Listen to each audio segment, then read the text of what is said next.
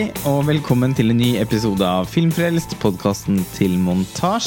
Mitt navn er Lars Ole Kristiansen. Jeg sitter her sammen med Roskva Korisinski. Hei. Hei. Vi er jo da selvfølgelig fortsatt i Cannes. Og har sett den nye filmen til Quentin Tarantino, 'Once Upon a Time in Hollywood'. Det er jo den filmen som jeg tror for cineaster flest er den the golden ticket eh, under festivalen. Det har man merket her nede også.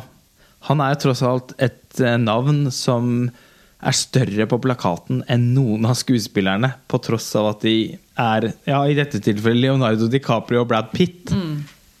Og mange andre òg. Han har liksom En ny Tarantino-film er alltid en så stor begivenhet at uh, man nesten møter filmer med sånn slags ærefrykt. Og så skal man jo heller ikke det, fordi Tarantino er jo en Altså, han er jo en film Jeg betrakter han som en av verdens aller fremste filmskapere. Men jeg syns ikke alltid han lager verdens beste filmer. Nei, jeg er enig. Og helt personlig så er det ganske lenge siden sist at han lagde en film som virkelig liksom satt meg i fyr og flamme eh, sånn umiddelbart. De fleste filmene hans er jo, altså filmene hans er jo detaljrike. At de gjerne styrkes av gjensyn. Og det er jo selvfølgelig en kvalitet. Men det er noe med å, opp, å kjenne rusen fra eh, første møte med en film, og, og den her er helt sånn Å kjenne liksom at endorfinene sprer seg utover i kroppen, og du bare Å, dette er jo film! Og, og nå har Quentin Tarantino gjort det igjen. Eh, altså Det var Texas eh, utenfor eh, palasset her i går, da filmen hadde gallapremiere, hvor vi ikke var til stede. Vi har tross alt vært blant de relativt få heldige som faktisk fikk billett til den andre av i alt bare to visninger under festivalen. Det var veldig mange av våre kolleger og venner som eh, ikke eh, fikk ja, altså, ja, det ble ikke sjokoladefabrikken på dem. Men eh, vi fikk billett og møtte opp i meget god tid. Fikk gode plasser. Og var egentlig allerede i en slags rus etter Bong Joon-hos 'Parasite'. Absolutt. De, altså, vi, jo, altså, med en gang Parasite var ferdig, og vi fikk liksom andpustent eh, vekslet noe, noen euforiske eh, replikker om den, så måtte vi liksom bare rett inn i køen til Tarantino og håpe på det beste, og det gikk egentlig veldig bra. Vi, så, for for det, det er også virkelig en film jeg satt og tenkte på da, at her er det kjipt å få dårlige plasser. Fordi eh, Lumière-salen i Cannes er så innmari stor. Det er som, nesten som en sånn Oslo Spektrum. Og hvis du sitter øverst i hjørnet og skal stirre ned på filmen, så er det som å se omtrent på en Mac. Som er plassert ganske langt unna der du ligger i sofaen. Eh, heldigvis så gikk det ikke sånn. Og uh, filmen er jo selvfølgelig, når det er Tarantino, skutt på 35 mm, men den ble også vist på, uh, på ekte film i salen, så det var jo Altså jeg må, altså, det, det, dette har blitt så, så sjeldent at jeg kjente liksom varmen spredde seg rundt i Ja, kroppen du satt og klappet litt i hendene da du så liksom formatet. Ja, ja, jeg gjorde jo det. Ja. Fordi jeg bare Åh! Nå er det ordentlig film. Eh, og man vet jo Det viste seg i hvert fall at man vet veldig lite om hva filmen egentlig skal handle om. Eh, Tarantino har denne gangen gjort veldig klokt i å holde kortene tett i brystet. Man vet om, en, om settingen. Det er Hollywood eh, i 1969. Eh, Los Angeles. Eh, filmen foregår i liksom filmmiljøene i, i, i LA. Og det er et bakteppe her som involverer Manson-familien og drapet på Sharon Tate, kona til Roman Polanski, som var gravid med det som skulle blitt hans første barn, og som ble fryktelig brutalt drept. Eh, det er et bakteppe av mørke og tragedie her. Som jo i utgangspunktet er litt sånn uforenlig med Eller så er det jo selvfølgelig heller ikke det, da, men Tarantino er jo også en, en humorist og en entertainer. Og han har jo tidligere virkelig evnet å bruke bekmørke baktepper eh, til sin fordel. Eh, I Django Unchained og i Inglorious Bastards.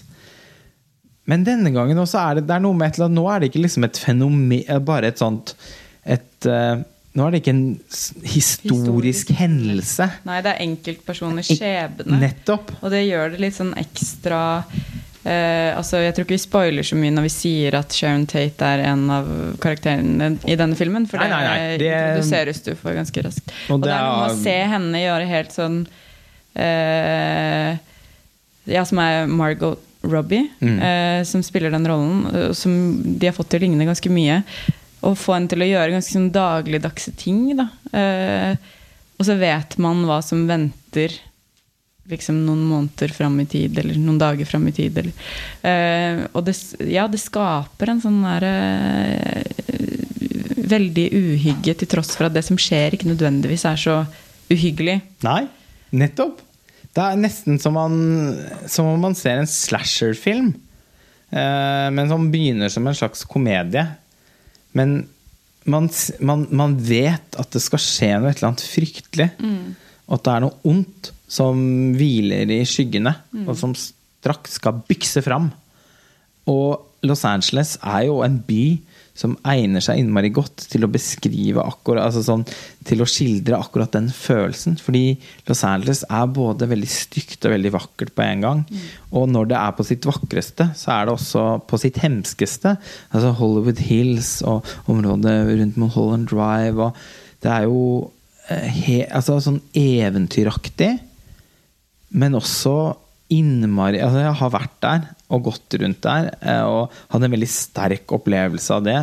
Eh, 100 eh, knyttet opp mot at jeg er så interessert i film. Da. Så jeg leste jo alle mulige eh, filmframstillinger av Los Angeles inn i det her. Men jeg må, altså det var et fascinerende Det er en av de byene jeg har vært i som jeg har blitt aller mest fascinert av. Fordi jeg virkelig satt Når jeg, når jeg gikk eh, langs Mulholland Drive for eksempel, i nesten fire timer, så, så kjente jeg på en sånn helt, Det var en helt ubestemmelig følelse. Veldig vanskelig å beskrive med ord, men jeg satt og følte at nå, nå, nå kjenner jeg plutselig Nå kan jeg tydeligere fornemme hvor den skrekken i f.eks. noen av David Lynch sine filmer kommer fra. Og eh, Once Upon a Time in Hollywood er jo det vakreste og mest sånn ulmende portrettet av Los Angeles jeg har sett siden David Lynch sin film Mulholland Drive. Ja. Og det er jo to filmer som er vesensforskjellige. Fordi at David Lynch og Quentin Tarantino strengt tatt har veldig lite til felles. Men det var likevel en parallell som dukket opp ganske tidlig for meg. Absolutt, og ikke bare i stemningen, men også i handlingen. Altså, i denne filmen så handler det jo om en Egentlig, ja, skal vi kalle han en Hollywood-stjerne? Han er i hvert fall sånn Har vært det, og er redd for ikke være det lenger. Uh, Spilt av Leonardo DiCaprio. ja. Veldig fint spilt av han. Uh, og i Mulholland Drive så er det jo en ung og håpefull som kommer til byen, så det er en annerledes setting, men det er likevel noe av det samme sånn type skuespillerens angst for å ikke eh, ikke få anerkjennelse og ikke bli sett, og dermed å være ingen på et eller annet vis. Som går igjen i begge filmene, også som du sier, at vi klarer å skildre et uh, LA og et Hollywood som er veldig sånn på kanten mellom drøm og mareritt. da. Mm, virkelig. Og det er jo til og med en scene i filmen som eh, på ingen måte føles som en homasj til Mulholland Drive, men det er jo en, altså alle som har sett Mulholland Drive, er jo fortsatt rystet av den scenen hvor Naomi Watts er på audition og gjør en sånn helt utrolig rolleprestasjon eh, i det som åpenbart er en helt fryktelig film, eller episode av en TV-serie. Eh, og her er Leonardo DiCaprio i en situasjon hvor han spiller i en sånn skikkelig ræva B-westernfilm. Hvor han pga. sitt alkoholproblem eh, har en skikkelig dårlig dag, og hvor han føler at hele liksom, karrieren hans og selvbildet og alt er i ferd med å slukne. Eh, og så har han et sånt moment med seg selv inni, inni sånn Campingvogna. holdt- campingvogna, holdt jeg på å si. Eh, hvor han hvor han forsøker å ta seg sammen, klapper seg i ansiktet foran speilet og bare sier til seg selv at hvis du ikke leverer nå, så er du ferdig. Og så leverer han så sinnssykt uforholdsmessig uakseptabelt bra, da. I den scenen eh, som, eh, som er den neste de skal spille inn. Mm, og det er nesten så du ser det i øynene hans, at han ikke tror det selv mens han holder på. Sånn, nå går dette, ok, nå må jeg bare liksom fortsette. Ja. Det er sånn desperasjon i blikket som er ganske både fin og veldig komisk. Da. ja.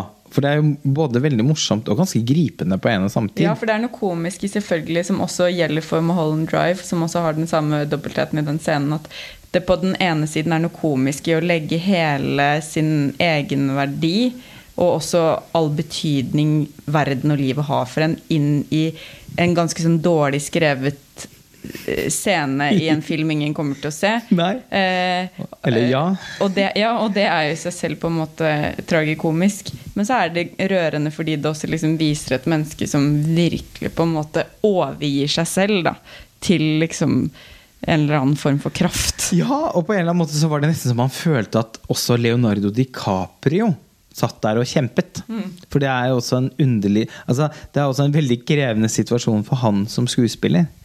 Eh, og, og når vi da har nevnt David Lynch, så er jo liksom David Lynch og Quentin Tarantino de man eh, gjerne omtaler som de, i hvert fall to av de mest sånn typiske postmoderne filmskaperne. Som forholder seg til en referanseverden.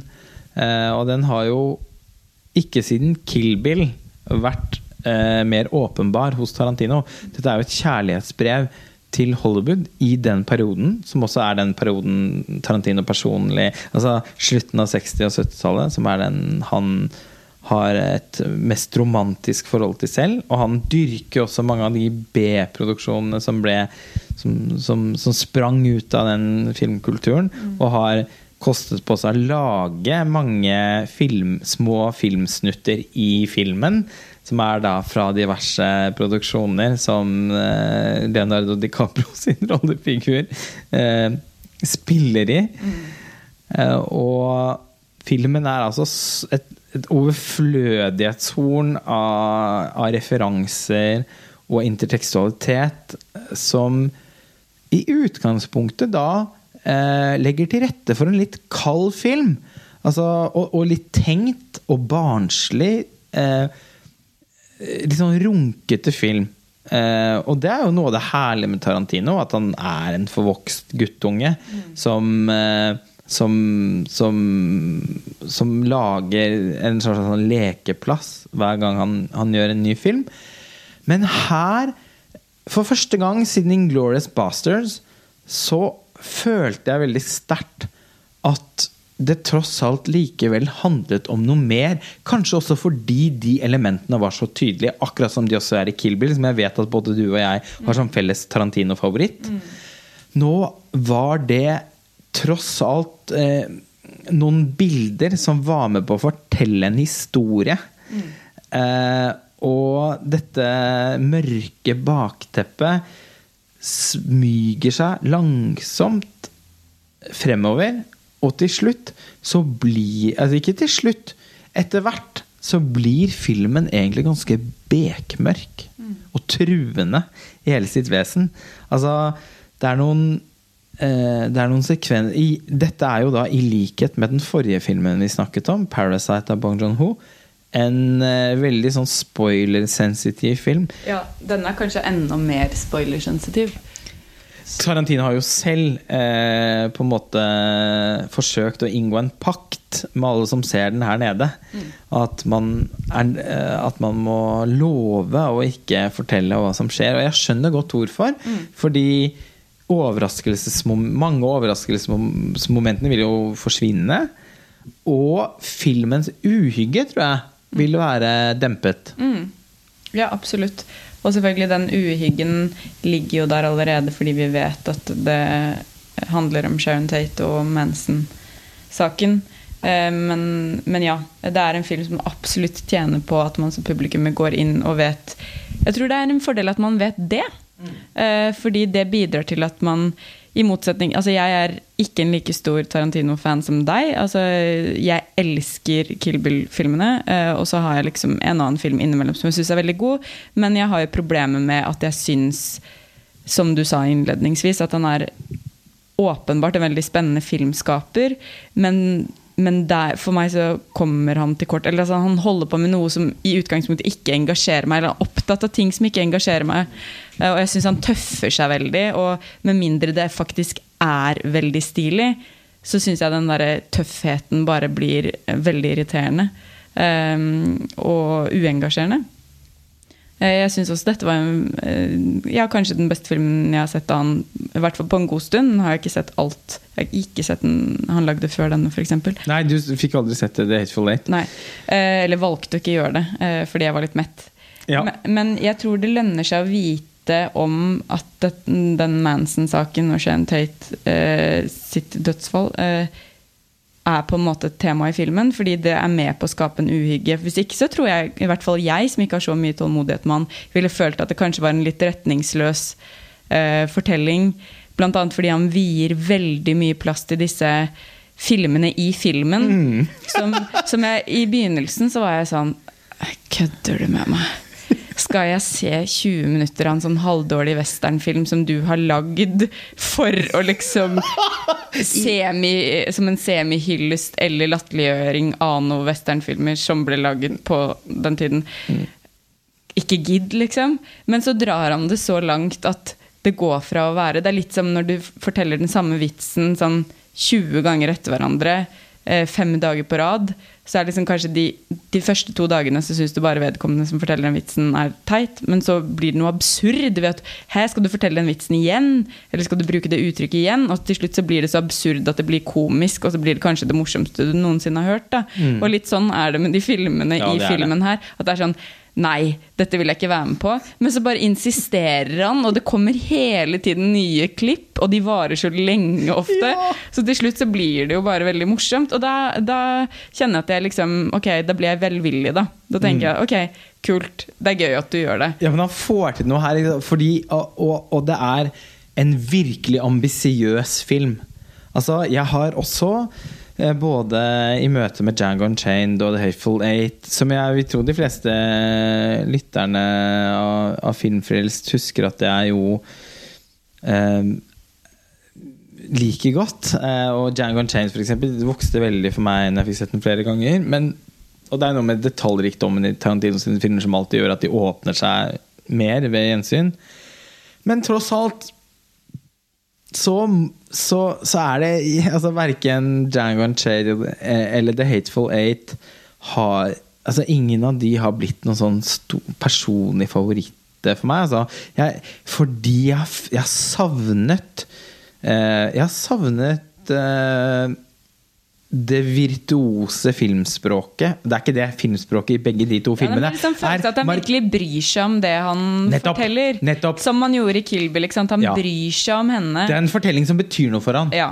Og, og, det er åpenbart denne fortellingen også. Ja, og det er akkurat som det, det, det slår tilbake også, da, på mm. filmspråket. Mm. Fordi selv om filmspråket Django og, og The Hateful Eight åpenbart er virtuos sammenlignet med veldig mye annen film som lages, så er det, syns jeg, tross alt ikke eh, på det nivået hvor han er når han er på sitt aller beste. Da. Og det er det man bør kreve han. Eh, eller i hvert fall ønske seg av han. Og noen ganger så har jeg liksom sittet og Og han har brukt veldig lang tid òg, på alle filmene han har gjort eh, de siste 15 årene. Og noen ganger så har jeg nesten blitt sånn engstelig og tenkt at uff, jeg håper ikke det er liksom for mye rødvin og for mye prat og for mye rundt. Eh, filmene. At Det er bra liksom, at du tenker at Tarantino drikker først og fremst rødvin. Vel, ja, det tenker jeg. Uh, men altså, ja, eh, men Altså, jeg jeg sittet og liksom bare hatt en li, liten sånn uh, fornemmelse av at han kanskje aldri kommer til å lage en film igjen som er fullt så god som f.eks. Kill Bill eller Inglorious Bastards. Og, mm, og så har han gjort det igjen, da! Og så er det så fantastisk! Altså, å, å, jeg, å, jeg spiste den filmen når vi satt og så den, eh, med åpen munn.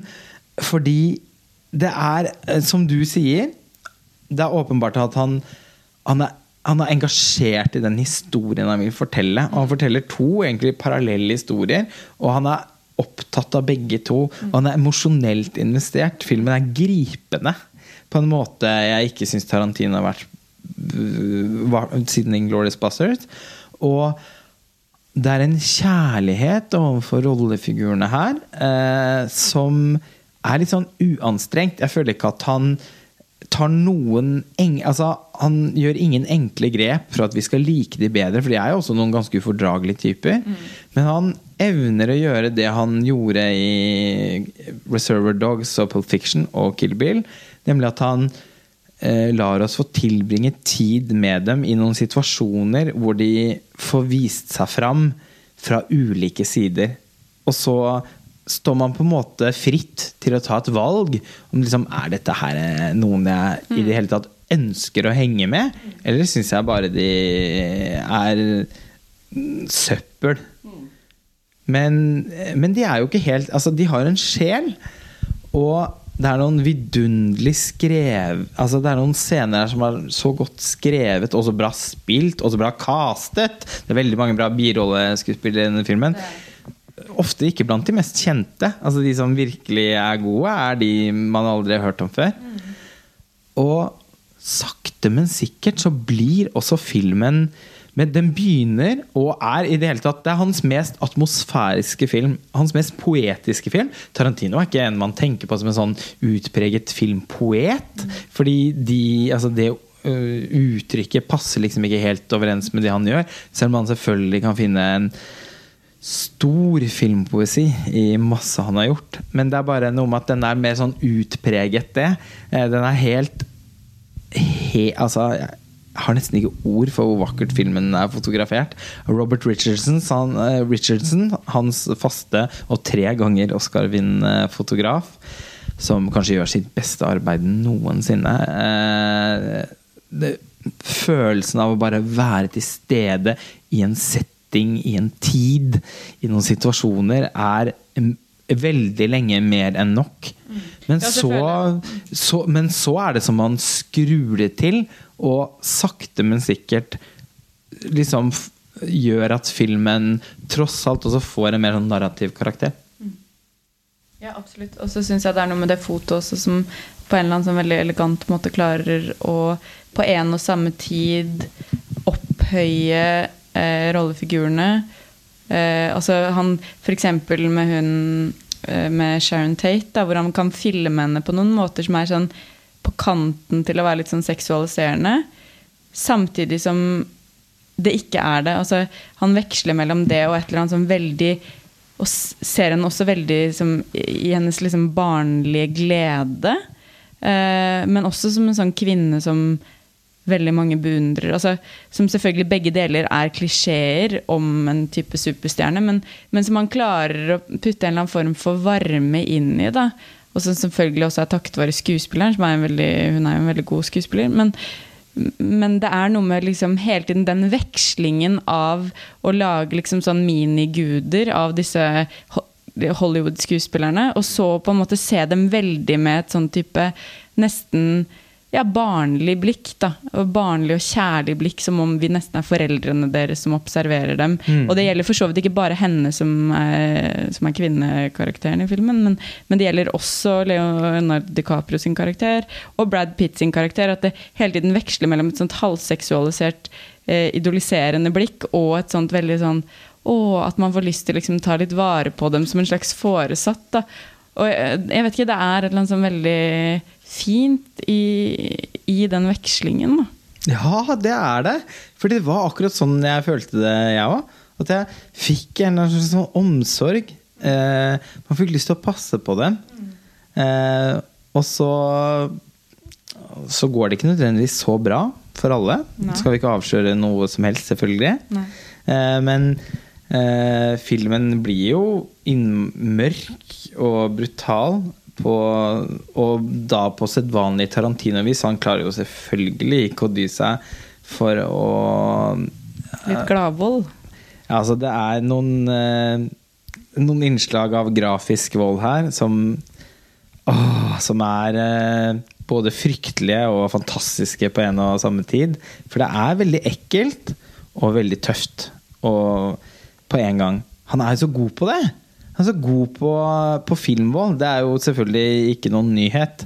Men, men det må, altså, nå blir jeg virkelig påminnet på hvor god han er på det. da Ja, jeg får jo ikke med meg så mye av det, for jeg er jo veldig pinglete på det. Så jeg ser alltid liksom holde hendene foran ansiktet, og så myser jeg. Så jeg får med meg noen sånn fargeflekker. Men jeg får med meg lydbildet, da. Det gjør du. Og det er eh, traumatiserende nok.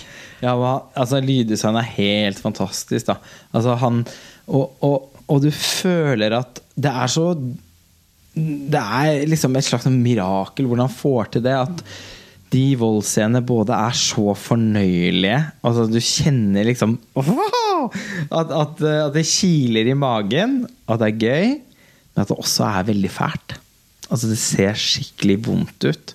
Eh, det, det, det, er, det er stygt. Er, og, og nå gjør han det med en eleganse altså, som jeg ikke har sett han har gjort på lenge. Jeg følte også at mange av de voldsballettene i The Hateful Eight og Django Unchained var litt uinspirerte på en eller annen måte. Altså at jeg, jeg følte ikke at han var helt der hvor, han, hvor klippesaksen og lyddesignet og, og den rent sånn, sånn bokstavelig grafiske volden var helt på lag. Her er han dirigenten og, og symfoniorkesteret spiller igjen, syns jeg, uten en eneste falsk tone. da det er helt og han, og, han, og han holder også tilbake. Det er ikke sånn at han eh, overdriver volden i alle settinger han kan. Er, han, han gjør det når Når det, når det Altså når, når det smeller, så, så kjenner man det. Og så er det Å! så er det liksom Da, da passer det, Han Det er sånn rituelt på en måte. Ja. Nå starter det, og så er det over. Det er ikke noe Og, og så er det ikke nødvendigvis sånn at neste tilsvarende scene er rundt neste sving. De kommer der hvor det faktisk gjør noe med fortellingen, og hvor det gjør noe med hvordan du som tilskuer opplever filmen. Og, det var, og, og det er så innmari bra ca altså casting. Altså de som for eksempel spiller eh, de Manson-jentene, da. Åh. Ja, det er veldig god casting. Jeg kjenner, nå har jeg selvfølgelig ikke notert ned hva hun eh, heter, men jeg kjenner henne igjen fra, eh, fra en sånn, ja, ikke så kjent TV-serie som jeg har sett før. Og la merke til henne da også, fordi hun har en, et for det første veldig spesielt ansikt, men også en veldig spesiell stemme. Ja, den stemmen den glemmer jeg ikke med det som første. egner seg godt til en sånn type rolle. Et ungt menneske på randen til noe som kan oppleves som litt psykotisk, kanskje. Altså, ja, det er veldig mye god casting. Jeg er enig i det. Den gjennomgår gjennom hele filmen. Og, og den har et sånn slepende tempo, som også The Hateful Eight hadde. Men det blir aldri kjedelig. Det er veldig sånn Altså, filmen beveger seg som en kobraslange eh, hele veien. Og, og biter skikkelig til slutt. Og blir også på en måte altså, det, er, det kan vi jo Ja, vi, vi kan jo ikke si noe om, da. Hva som også gjør at filmen får en sånn eh, emosjonell slagkraft som er kanskje større enn det man ville antatt. Men det er noe med Tarantino sin måte å forholde seg til historiske settinger på, som på sitt beste eh, er eh, både interessant og empatisk. Altså, han eh, Det er jeg- satt faktisk også igjen med en følelse at han vil godt med filmen. Det er kanskje litt rart å si. Nei, men jeg fikk også en følelse av det. Uh, men det Ja. Det vet jeg ikke om vi kan Nei, altså vi kan jo dessverre er ikke utdype noe av dette. Men det er altså sånn Man blir faktisk fylt av en sånn Det er en ganske følsom film. Mm. Og på en måte egentlig også altså, hvert fall det, det er lenge siden han spilte med de strengene, da. Mm. Og, og, og altså, Hvis vi skal snakke om liksom kostymedesign og produksjonsdesign og foto som er Det er helt vanvittig. Altså, jeg blir jo også altså, lykkelig av å se at det fortsatt er liksom mulig å lage en så kompromissløs film på et så høyt budsjett. Altså, den ser jo så dyr ut at det er uh, wow, Her er det ikke blitt spart på noe. Uh, og altså det, altså, bare periodefremstillingen er så autentisk at eh, jeg ble helt Jeg skal sitte og måpe, rett og slett, av hva han har fått til. Eh, men det at det i det hele tatt lar seg gjøre å lage en sånn type film på et sånt budsjett, og som har de skuespillerne i hovedrollen som kan sørge for at publikum faktisk også kommer inn i salen, det er, det er, det er ikke mange som kan lenger. Sånn har det blitt. Og vi, I den forrige episoden så snakket vi om Christopher Nolan, og han kan klare fortsatt det. Eh, og, og han er også en av de ytterst få regissørene i verden tror jeg, som nesten er i ferd med å bli et større navn på plakatene enn skuespillerne sine. Og det er fortsatt Tarantino, og nå bryter han heller ikke den kontrakten med publikum. da. Jeg har også en fornemmelse av at dette er en film som mange kommer til å like veldig godt. At, den går, altså sånn at både de som er kunstinteresserte og, og genuint opptatt av film, og av Tarantino som autør, får sitt heroinskudd, samtidig som et bredt publikum blir, blir, vil bli dratt inn i, i filmen. Og det, vi hadde jo en eh, Vi så jo som sagt da eh, 'Parasite' av Bong Joon-ho og denne her rett etter hverandre. Og var bare helt sånn Nå må vi bare sette oss ned og dele en flaske vin. Og debriefe litt. Og da endte vi med å ha en samtale om, om hovedkonkurransen. Eh, og om filmene vi har sett i Cannes, og hva det er som gjør inntrykk, og hva som er interessant, men som ikke gjør inntrykk på samme måte, og bla, bla, bla.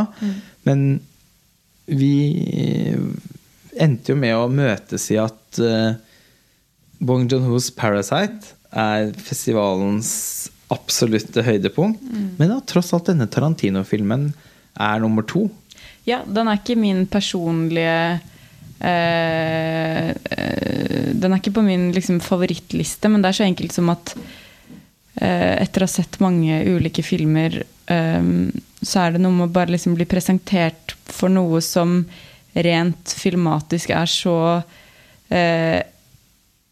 utprøvende og samtidig selvsikkert. Da. Eh, og det er noe med den kombinasjonen der som på en måte er uslåelig, og som, som i alle kunstarter kanskje er definisjonen på i den, man, i den grad man kan ha en definisjon på, på det, så tenker jeg at så er det er det det møtet der mellom det virkelig virkelig utprøvende og samtidig det virke, virkelig selvsikre. da.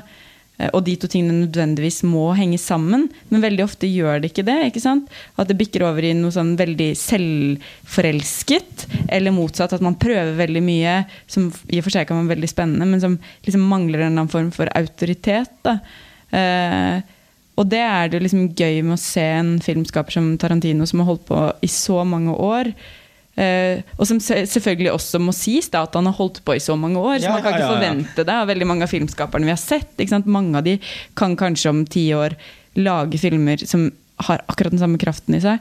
Uh, men det er noe med det at selv om dette ikke er en film, den filmen som interesserer meg mest i denne festivalen, på denne festivalen, så er det liksom er det noe med den der magiske kombinasjonen da, i å virkelig liksom ha en trygghet i at ja, jeg lager denne filmen, og samtidig liksom sånn Når det er sagt, så skal jeg prøve mange forskjellige ting, men jeg vet liksom allikevel at, at regissøren er et sånn slags episenter. da Mm. som det kan kretse mye ulikt rundt, men at det er en kjerne der eh, som er liksom kunstnerskapet. Da. Eh, så ja, absolutt en veldig fin opplevelse. Og at det er en det er en ambisjon der som er mm, Altså Som at han som, Altså, den filmkunstneriske ambisjonen da er så høy. Du, eh, og, og igjen, som vi snakket om i, i den forrige podkasten om Parasite også, at det er en kraft og muskulatur i filmspråket som er så påfallende at man blir litt påminnet om eh, Om hvor Ja, om at Det er også noe med å ha kjærlighet til det med det man opererer i. ikke sant? At det er noe med det at det i seg selv er faktisk en veldig kvalitet. da. Mm. På samme måte som det er i billedkunsten eller i Litteraturen. At, eh, at man kan snakke veldig mye om liksom, originalitet, eller man kan snakke mye om å skrive seg inn i en tradisjon, eller men, Eller fordype seg i en tematikk på Ja. en veldig klok måte. men, men min oppfatning er i hvert fall at de jeg holder høyest både innen filmkunsten og litteraturen, som på en måte kanskje er de feltene jeg kjenner best, da, så, så er det felles for dem at ja, de har noe veldig eh, eklektisk ved seg på et eller annet vis. Altså, de, har prøvd, de prøver mye og vil alltid et annet sted eller et nytt sted, samtidig som det er dette, denne kjernen, da. Eh, som ikke er på en måte noe man må fortelle seg selv. Eller som man ikke opplever at den kunstneren eller den forfatteren forteller seg selv at ja, men jeg tilhører denne skolen eller denne skolen. Det er helt uvesentlig, for den kjernen er en form for kjærlighet. Da, og den kjærligheten må nødvendigvis være også ganske sånn søkende og åpen og rette seg i mange ulike eh, ja, mange ulike steder på én gang. Da. Um, men ja. Jeg tror kanskje at vi skal runde av, sånn at vi ikke For vi kan ikke si så mye mer om filmen. Nei, Folk må bare det. se den. Og øh, ja. Men øh, det er hardcore porno for sine file. Det kan man i hvert fall si. Det er øh, en Altså Den filmspråklige elegansen i den filmen her, og selvsikkerheten, som du var inne på, autoriteten, eh, som man selvfølgelig også kan mene ulike ting om, men den er påfallende. Og eh, jeg er dypt sånn lykkelig for å se at Tarantino ikke er ferdig. Han, han, han har det fortsatt i seg til å virkelig kunne liksom bygge en sånn katedral av en film. Eh, Og jeg kan virkelig ikke vente med å se den her igjen. Fordi det kommer til å være så mye å oppdage ved gjensyn. Og bare det å være, hvile, svømme i filmen er så deilig at eh, Ja, jeg kan ikke få nok av det. ja, takk for nå, Roskva. Takk for nå, Lars Ole. Vi snakkes snart. Det gjør vi. Ha det bra. Ha det.